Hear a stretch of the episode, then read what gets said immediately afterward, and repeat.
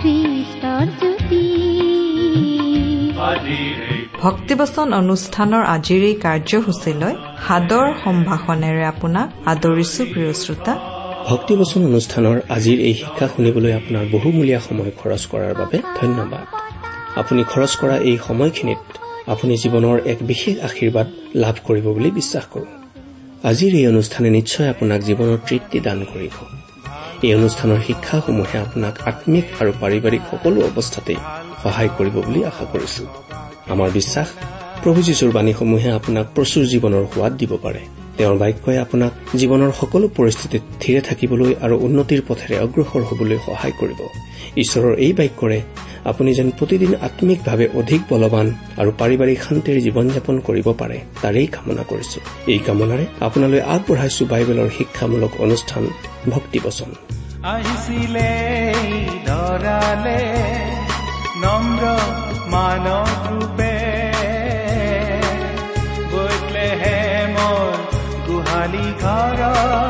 তেওঁ জনম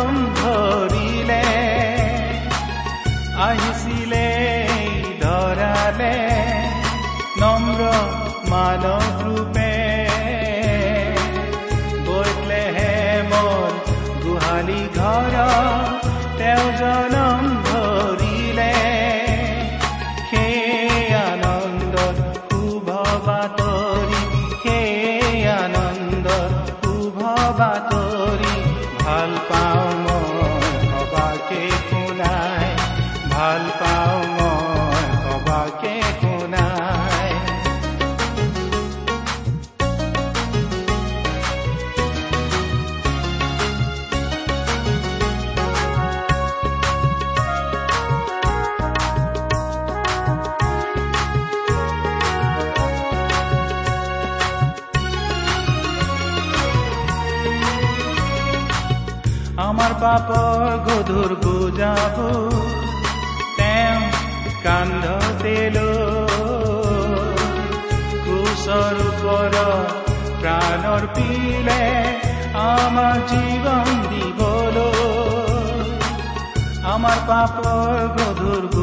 বুজাব তেওঁ কান্ধতে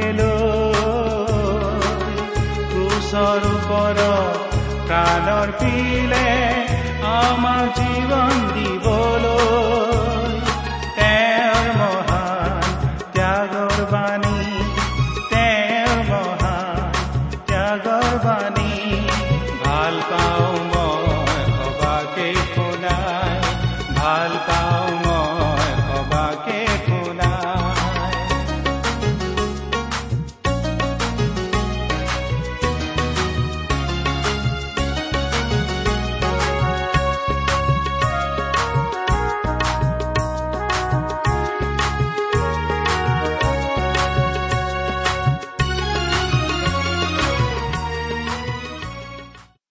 আমাৰ পৰম পবিত্ৰ প্ৰভু যীশুখ্ৰীষ্টৰ নামত নমস্কাৰ প্ৰিয় শ্ৰোতা। আশা কৰো মহান পিতা পৰমেশ্বৰৰ মহান অনুগ্ৰহত আপুনি ভালে কুশলে আছে। প্ৰিয় শ্ৰোতা আপুনি যে কষ্ট কৰি ৰেডিঅ'টো পকাই এই অনুষ্ঠান শুনিবলৈ এনেদৰে ধৈৰ্যৰে বাট চাই আছে তাৰ দ্বাৰা ঈশ্বৰৰ প্ৰতি থকা আপোনাৰ ভয় ভক্তি শ্ৰদ্ধাৰ কথাই প্ৰকাশ পাইছে। সেইজনা ঈশ্বৰৰ অসীম প্ৰেম অনুগ্ৰহৰ কথা আমি আমাৰ এই ভক্তিবচন অনুষ্ঠানৰ জৰিয়তে শ্ৰোতাসকলৰ আগত ঘোষণা কৰি আহিছো। এই অনুষ্ঠান শুনি আপুনি বাৰু কিবা প্ৰকাৰে লাভৱান হোৱা বুলি ভাবেনে? এই অনুষ্ঠান সম্বন্ধে আপোনাৰ মতামত আদি জনাই আমালৈ লিখিবচোন। আহকচোন খন্তেক প্ৰাৰ্থনাত মূৰ দুৱাওঁ হওক। স্বৰ্গত থকা অসীম দয়ালু কৰোণাময় পিতা তোমাক ধন্যবাদ জনাইছো কিয়নো তোমাৰ মহান বাক্য বাইবেল শাস্ত্ৰ অধ্যয়ন কৰিবলৈ তোমাৰ মাত শুনিবলৈ তোমাক ওচৰৰ পৰা লগ পাবলৈ তুমি আমাক আকৌ এই সুযোগ দিছা। প্ৰভু তোমাৰ বাক্যৰ নিগৃঢ় তত্ব তুমিয়েই আমাক বুজাই দিয়া। আমাৰ প্ৰত্যেককে তোমাৰ মৰমৰ মাত শুনিবলৈ দিয়া। কিয়নো এই প্ৰাৰ্থনা আমাৰ মহান ত্ৰাণকৰ্তা মৃত্যুঞ্জয় প্ৰভু যীশুখ্ৰীষ্টৰ নামত আগবঢ়াইছো। আমেন।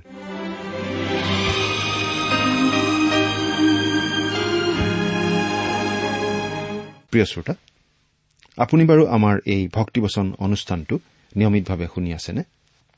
আপুনি যদিহে আমাৰ এই অনুষ্ঠানটো নিয়মিতভাৱে শুনি আছে তেনেহলে আপুনি নিশ্চয় জানে যে আমি এতিয়া বাইবেলৰ নতুন নিয়ম খণ্ডৰ তিমঠিয়ৰ প্ৰতি প্ৰথম পত্ৰ নামৰ পুস্তকখন অধ্যয়ন কৰি আছো। নহয়নে বাৰু? আমি এই পুস্তকখনক চমুকৈ প্ৰথম তিমঠি বুলিয়েই কওঁ। আপুনি আমাৰ যোৱা অনুষ্ঠানটো শুনিছিল নে বাৰু? আমি বাৰু কি আলোচনা কৰিছিলো আপোনাৰ মনত আছেনে? যোৱা অনুষ্ঠানত আমি এই প্ৰথম তিমঠি পুস্তকৰ তিনি নম্বৰ অধ্যায়ৰ আঠ নম্বৰ পদলৈকে পঢ়ি আলোচনা আগবঢ়াইছিলো নহয়নে বাৰু? গতিকে আজিৰ অনুষ্ঠানত আমি এই প্ৰথম তিমঠিৰ তিনি নম্বৰ অধ্যায়ৰ ন নম্বৰ পদৰ পৰা আমাৰ আলোচনা আগবঢ়াই নিব খুজিছো। এই তিমঠি হৈছে এজন ডেকা পালক আৰু পাচনি পৌলে তেওঁলৈ দুখন চিঠি লিখিছিল তাৰে এইখন হৈছে প্ৰথম চিঠি। এই চিঠিৰ মাজেৰে খ্ৰীষ্টীয় মণ্ডলীৰ পৰিচালনাৰ বিষয়ে অনেক প্ৰয়োজনীয় কথা তিমঠিক জনোৱা হৈছে। আমাৰ খ্ৰীষ্টীয় বিশ্বাসৰ জীৱনৰ বাবে প্ৰয়োজনীয় বহুতো শিক্ষা আমি এই চিঠিখনৰ যোগেৰে পাওঁ। তিমঠি বয়সত ডেকা আছিল বাবে ইয়াৰ কথাবোৰ যুৱক যুৱতীসকলৰ বাবেও প্ৰয়োজনীয়। প্ৰিয় শ্ৰোতা আমাৰ এই অনুষ্ঠানটো বাইবেল অধ্যয়নৰ অনুষ্ঠান। এই অনুষ্ঠানত আমি বাইবেলৰ পৰা পাঠ কৰো আৰু যিমান পাৰো সহজ সৰলভাৱে ব্যাখ্যা আগবঢ়াবলৈ চেষ্টা কৰো। গতিকে এই অনুষ্ঠানটো শুনাৰ সময়ত লগত বাইবেলখন লৈ ললে ভাল হয়। আপুনি আপোনাৰ বাইবেলখন মেলি লৈছেনে বাৰু? এতিয়া আহক আমি অধ্যয়নৰ পিনে আগবাঢ়ো। আমি যোৱা অনুষ্ঠানত মণ্ডলীৰ বিভিন্ন চলাওতাৰ অৰ্হতা সম্বন্ধে আলোচনা কৰিছিলো।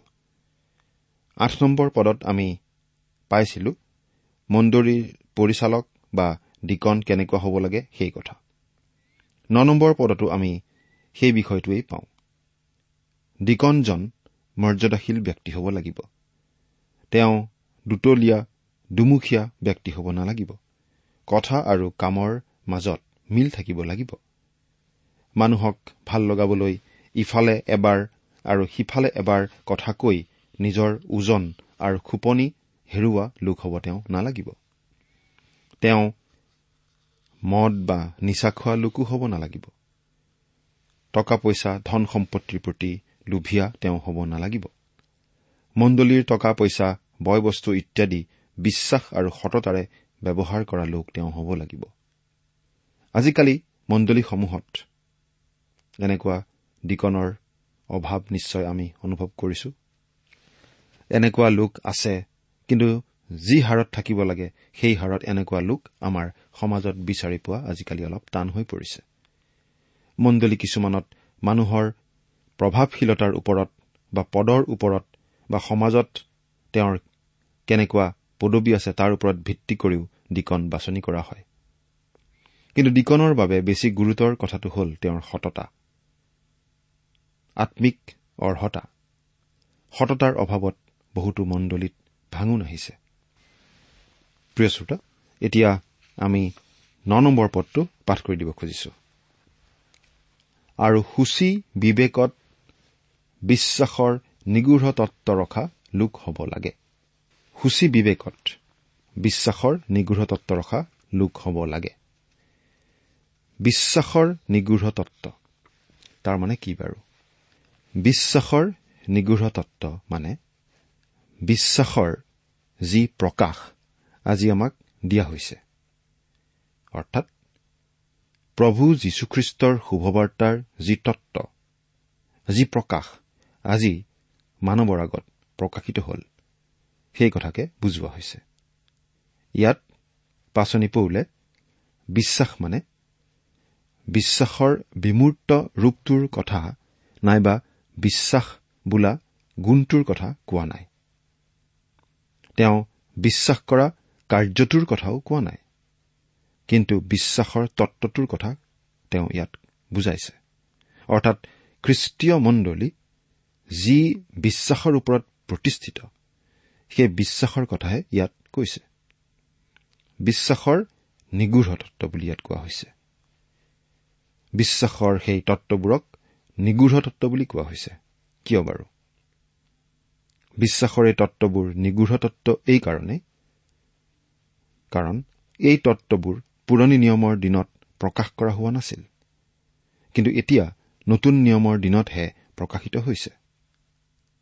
গতিকে এইবোৰ নিগৃঢ় তত্ব আমি পাচনিৰ কৰ্মত পঢ়িবলৈ পাওঁ যে আদিমণ্ডলীয়ে পাচনীসকলৰ শিক্ষাতেই খোপনি লৈ চলিছিল। অৰ্থাৎ আদিমণ্ডলীৰ বিশ্বাসৰ ভেটি আছিল পাচনীসকলে দিয়া শিক্ষা। পাচনীসকলে শিকোৱা তত্ব সেয়েই আছিল আদিমণ্ডলীৰ বিশ্বাসৰ তত্ব আজি খ্ৰীষ্টীয় মণ্ডলীৰো বিশ্বাসৰ তত্ব এয়েই হোৱা উচিত। আৰু এই বিশ্বাসকেই খ্ৰীষ্টীয় মণ্ডলীয়ে জগতৰ আগত প্ৰকাশ কৰা উচিত। বহুতো মানুহে ভাবে যে এই বিশ্বাসৰ তত্ব আওপুৰণি হৈ গ'ল। গতিকে সেইবোৰ সলনি কৰিবৰ প্ৰয়োজন আছে। যুগৰ লগত খাপ খুৱাই সেইবোৰ সলোৱাৰ প্ৰয়োজন হৈ পৰিছে। কিছু বছৰ আগতে এখন আগশাৰীৰ আলোচনীত এই ধাৰণাটোৰ সমৰ্থনত সম্পাদকীয় লিখা হৈছিল আৰু তাত আধুনিক যুগৰ বাবে সাতটা ভয়ংকৰ পাপৰ তালিকা এখন দিয়া হৈছিল। সেইকেইটা হৈছে স্বাৰ্থপৰতা অসহনশীলতা অৱহেলাৰ মনোভাৱ নিষ্ঠুৰতা হিংসা আৰু ধ্বংসকাৰী মনোবৃত্তি। এইকেইটা নিশ্চয় পাপ আৰু নিশ্চয় এইকেইটা আমাৰ সমাজৰ পৰা নোহোৱা হ'ব লাগে। আমাৰ ব্যক্তিগত জীৱনৰ পৰা নোহোৱা হ'ব লাগে তাত নিশ্চয় সন্দেহ নাই। কিন্তু এই যি সাতটা ভয়ংকৰ পাপৰ তালিকাখন দিয়া হৈছে এই তালিকাখনে আচলতে আগৰ পৰা চলি অহা সাতটা ভয়ংকৰ পাপৰ তালিকাখনৰ পৰা সেই আগৰ পাপকেইটা অপসাৰিত কৰিছে। অৰ্থাৎ আগৰ তালিকাখনৰ পৰা কামুকতা আদি জঘন্য পাপবোৰক অপসাৰিত কৰিছে। সম্পাদকীয়ত তেওঁলোকে লিখিছিল যে কামুকতা আজি সমাজত ইমান প্ৰচলিত আৰু ইমান সাধাৰণ কথা যেন হৈ পৰিছে। গতিকে ইয়াক আৰু পাপ বুলি ধৰিব পৰা নাযায় কাৰণ ইয়াক সমাজে গ্ৰহণ কৰি লৈছে। আগৰ তালিকাখনত থকা খকুৱা স্বভাৱ বোলা সেই পাপটো তেওঁলোকে এতিয়া আঁতৰাই দিব খুজিছে। কাৰণ তেওঁলোকৰ মতে এইটো স্বাস্থ্যৰ সৈতে জড়িত সমস্যাহে। মানুহৰ নৈতিকতাৰ লগত জড়িত সমস্যা নহয়। লোভ আৰু এলাহ এই পাপ দুটা অতি পুৰণিকলীয়া বুলি তেওঁলোকে কৈছিল। এনেকুৱা শব্দই আজিৰ সমাজত স্থান নাপায় বুলি তেওঁলোকে ভাবে। সেইবাবে তালিকাৰ পৰা তেওঁলোকে এই লোভ আৰু এলাহ পাপ দুটাও আঁতৰাইছে। তেওঁলোকে লিখিছিল যে সমাজৰ বিভিন্ন শ্ৰেণীৰ লোকৰ পাপ সম্বন্ধে ধাৰণা বেলেগ বেলেগ হয়। বয়সভেদেও পাপৰ ধাৰণা বেলেগ বেলেগ হয়। সকলো মানুহৰ মনত পাপৰ ধাৰণা একে নহয়। সেই সম্পাদকীয়টোৰ সামৰণিত লিখা হৈছিল যে পাপৰ পুৰণি নামবোৰ আওপুৰণি হৈ গৈছে আৰু সেইবোৰ আজিৰ যুগৰ লগত খাপ খুৱাবলৈ নতুন নাম দিব লগা হৈছে। অৱশ্যে পাপৰ ধাৰণাটো ধৰি ৰাখিব লাগে বুলি সেই সম্পাদকীয়ত মত দিয়া হৈছিল। অৰ্থাৎ পাপ বা বেয়া কথা বেয়া কাম এইবোৰ যে সমাজে এৰাই চলিব লাগে সেই কথাটোত অৱশ্যে সম্পাদকীয়টোত হয়ভৰ দিয়া হৈছিল। প্ৰিয় শ্ৰোতা আমি অতি জোৰ দি ক'ব পাৰোঁ যে পাপৰ ধাৰণাটো নিশ্চয় আমি সমাজৰ পৰা নোহোৱা কৰিব নালাগে। কিন্তু আমি এই কথাটো জোৰ দি কওঁ যে পাপ আচলতে এক বিন্দুও সলনি হোৱা নাই। বাইবেলত যিহক পাপ বুলি কোৱা হৈছে সেইবোৰ আজিও পাপ তেতিয়াও পাপ আছিল এতিয়াও পাপ। মানৱ প্ৰকৃতি এতিয়াও একেই মানৱ প্ৰকৃতি হৈয়ে আছে। মণ্ডলীৰ নেতা চলাওঁতাসকলৰ বাবে বাইবেলত যি আম্মিক অৰ্হতাৰ কথা কোৱা হৈছে সেইবোৰ আজিৰ বাবেও একেধৰণেই প্ৰযোজ্য। যদিহে খ্ৰীষ্টীয় মণ্ডলীয়ে এই পৃথিৱীত প্ৰভু যীশুখ্ৰীষ্টক প্ৰতিনিধিত্ব কৰিব লাগে। স্থানীয় খ্ৰীষ্টীয় মণ্ডলী আৰু স্থানীয় মণ্ডলীৰ নেতা চলাওঁতাসকলে নতুন নিয়মৰ বিশ্বাসৰ তত্ববোৰ ধৰি ৰাখিব লাগিব আৰু ঈশ্বৰৰ বাক্যত স্পষ্টভাৱে পাপ বুলি ঘোষণা কৰা কথাবোৰক তেওঁলোকে পাপ বুলিয়েই ক'ব লাগিব। সূচী বিবেক মণ্ডলীৰ পৰিচাৰকজনৰ বিবেক হ'ব লাগিব সূচী বিবেক। টপত লোৰে দাগ দি পুৰি দিয়া সংবেদনহীন বিবেক হ'ব নালাগিব। প্ৰথম তিমঠীয় চাৰি নম্বৰ অধ্যায়ৰ দুই নম্বৰ পদত আমি এনেদৰে পঢ়িবলৈ পাওঁ। যিবিলাকৰ নিজ বিবেক তপত লোৰে দাগ দিয়া হ'ল এনে মিছলীয়াবিলাকৰ কপটৰ দ্বাৰাই এয়ে ঘটিব। মণ্ডলীৰ পৰিচাৰকজনৰ বিবেক এনেকুৱা তপত লোৰে দাগ দিয়া বিবেক নহয় হ'ব লাগিব সূচী বিবেক। এতিয়া দহ নম্বৰ পদটো পঢ়ি দিছো। প্ৰথমতে তেওঁবিলাকৰ পৰীক্ষা কৰা হওক। পাছত নিৰ্দোষী হলেহে পৰিচাৰকৰ কাৰ্য কৰক। কোনো এজন মানুহে মণ্ডলীত যোগ দিয়াৰ এমাহ নহওঁতেই তেওঁক জোৰকৈ মণ্ডলীৰ কোনো বাব জাপি দিব নালাগিব। তাৰ আগতে তেওঁ ইয়াত শাস্ত্ৰই বৰ্ণোৱা অৰ্হতাসমূহ থকা মানুহ হয় নে নহয় সেইটোৰ প্ৰমাণ দিব পাৰিব লাগিব। এতিয়া পাচনি পৌলে মণ্ডলীৰ পৰিচাৰকসকলৰ ভাৰ্যাসকলৰ বিষয়ে ক'ব খুজিছে। পৰিচাৰকৰ ভাৰ্যাসকলৰো এটা বিশেষ মানদণ্ড থাকিব লাগিব। তেওঁলোকৰো বিশেষ দায়িত্ব আছে। এঘাৰ নম্বৰ পদ পঢ়ি দিছো।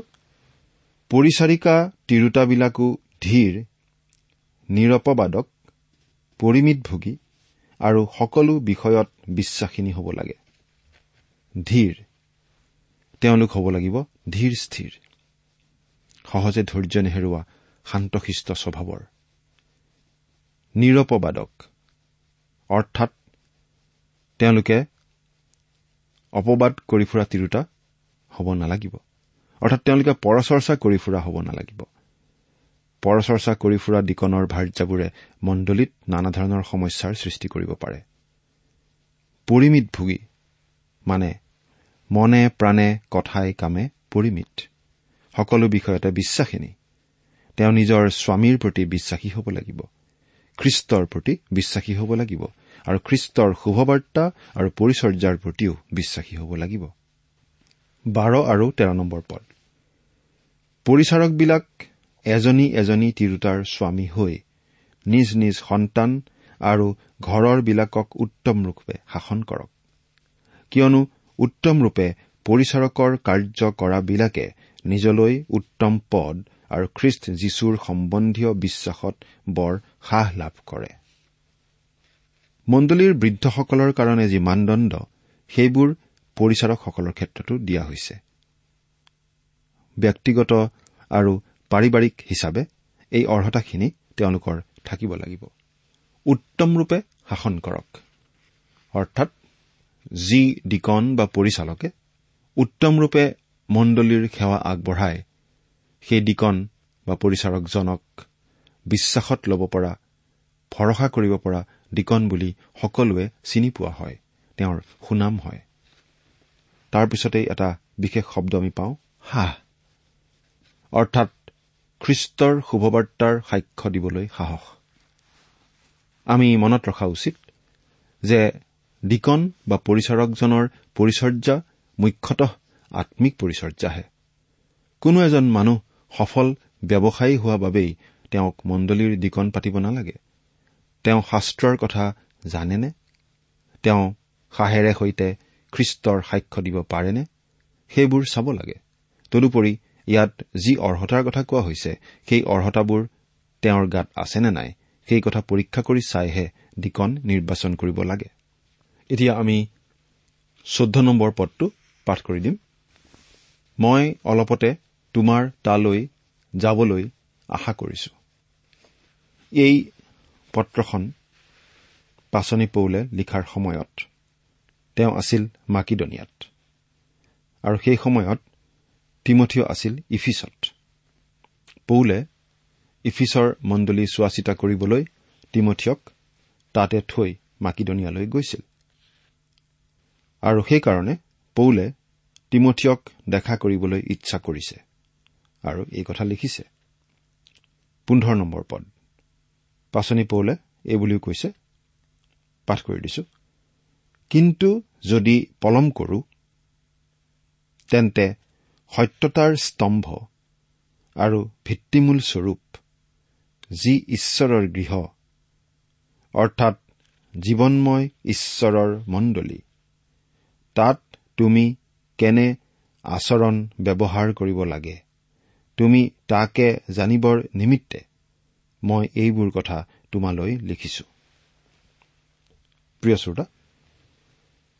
কি কাৰণে এইবোৰ কথা তিমঠিলৈ পাচনি পলে লিখিছে? তাৰ কাৰণটো ইয়াত তেওঁ জনাই দিছে। প্ৰিয় শ্ৰোতা এই পদটিত পাচনি পৌলে তিমঠিক যিখিনি কথা কৈছে সেই কথা কেইটি আমি এটি এটিকৈ চাব খুজিছো। আমাৰ মাজত থকা স্থানীয় মণ্ডলীক জীৱন্ত ঈশ্বৰৰ ভিত্তিমূল আৰু স্তম্ভ বুলি কোৱা হৈছে। গতিকে স্থানীয় মণ্ডলীৰ গুৰুত্ব কিমান? সেই কথা উপলব্ধি কৰিবলৈ সেই কথা বুজি পাবলৈ তিমঠিয়ক পৌলে উদগাইছে। ভিত্তিমূল আৰু স্তম্ভ। ভিত্তিমূল আৰু স্তম্ভ হৈছে যিহৰ ওপৰত এটা ঘৰ লৰচৰ নকৰাকৈ বা পৰি নোযোৱাকৈ থাকে যাৰ ওপৰত ভিত্তি কৰি এটা প্ৰকাণ্ড ঘৰ বা অট্টালিকা সজা হয়। আৰু মণ্ডলীৰ ভিত্তিমূল হৈছে সত্য সত্যতা।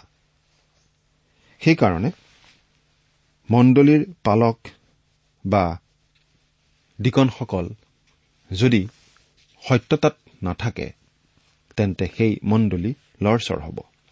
সেই সত্যতা কি? সেই সত্যতা হৈছে খ্ৰীষ্টৰ শুভবাৰ্তা। ঈশ্বৰে জনাই দিয়া তেওঁৰ বাক্যৰ যোগেৰে জনাই দিয়া খ্ৰীষ্টৰ শুভবাৰ্তা। যিকোনো খ্ৰীষ্টীয় মণ্ডলীৰ একমাত্ৰ আধাৰ হ'ব লাগে খ্ৰীষ্ট। আৰু তেওঁৰ সত্যতা। তেওঁ কৈছিল ময়েই সত্য। খ্ৰীষ্টই মণ্ডলীৰ আচল ভিত্তিমূল। আৰু যদিহে কোনো এটা মণ্ডলী সেই ভিত্তিমূলত গঢ়া নহয় তেনেহলে সেই মণ্ডলী লৰচৰ হ'ব। মণ্ডলীৰ পৰিচাৰক ডিকনসকলে সেই ভিত্তিমূল বুজি পাব লাগিব। সেই সত্যতাত নিজৰো বিশ্বাস থাকিব লাগিব।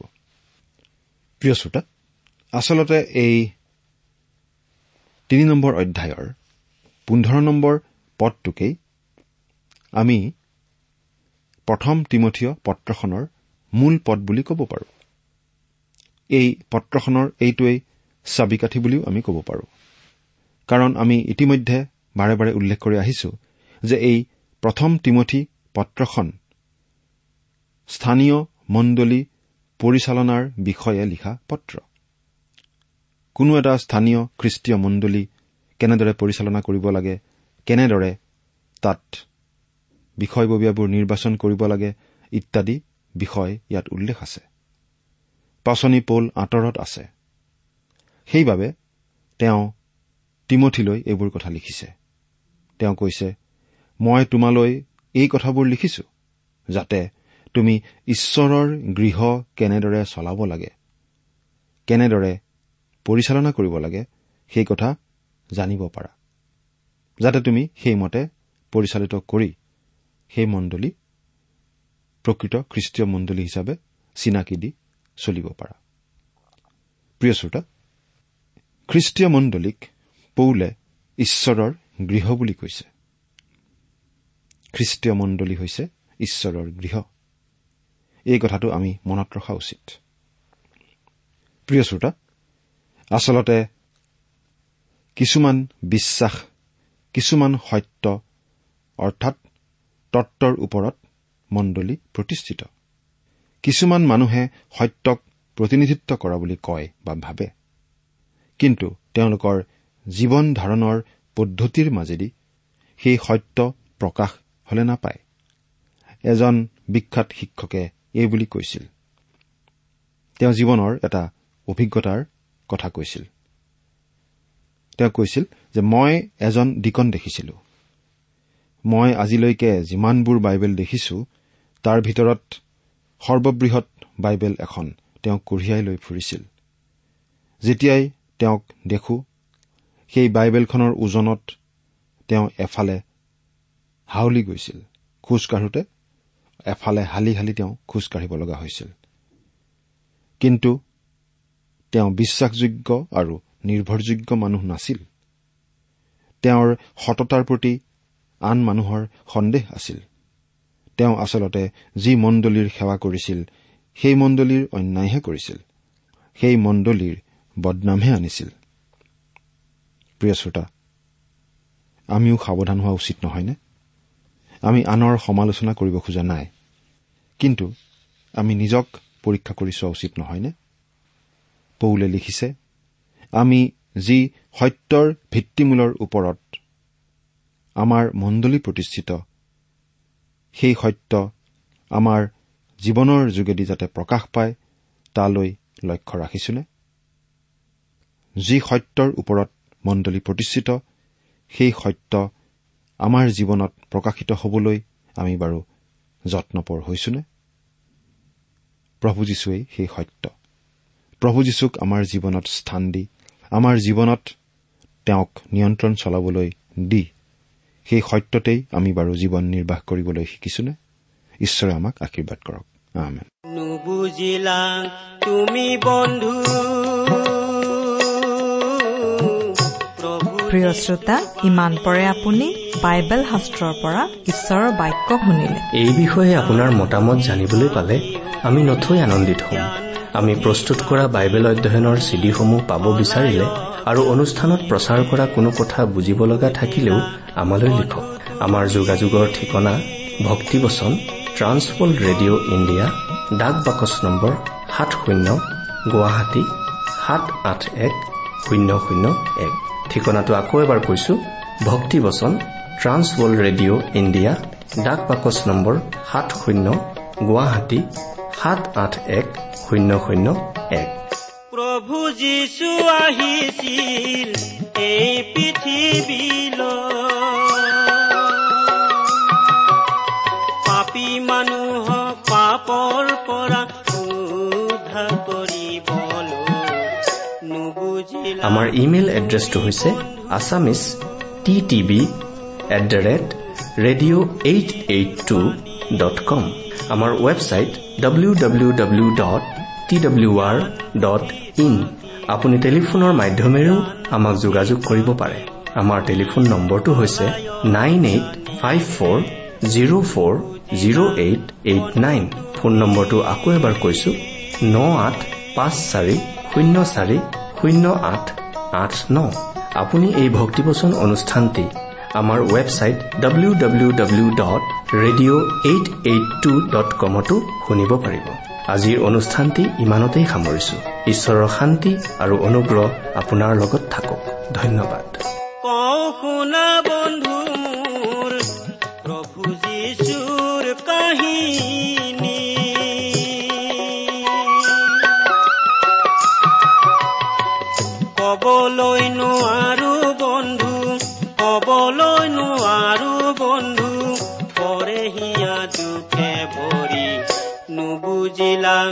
বন্ধু তুমি। প্ৰভু যীশুৰ বাণী। জ্ঞান বুদ্ধি থাকিও তুমি জ্ঞান বুদ্ধি থাকিও তুমি। হলায় জ্ঞানী হে নুবুজিলা বন্ধু তুমি।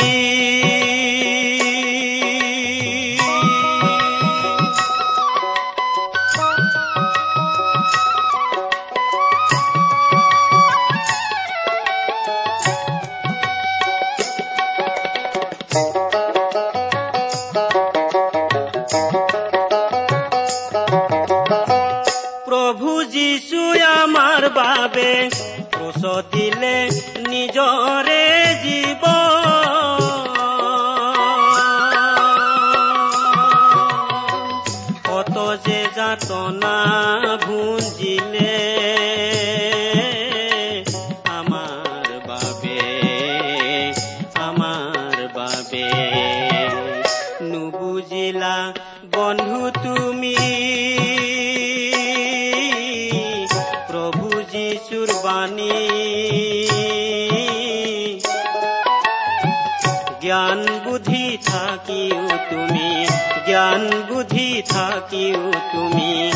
হলায় জ্ঞানী হে।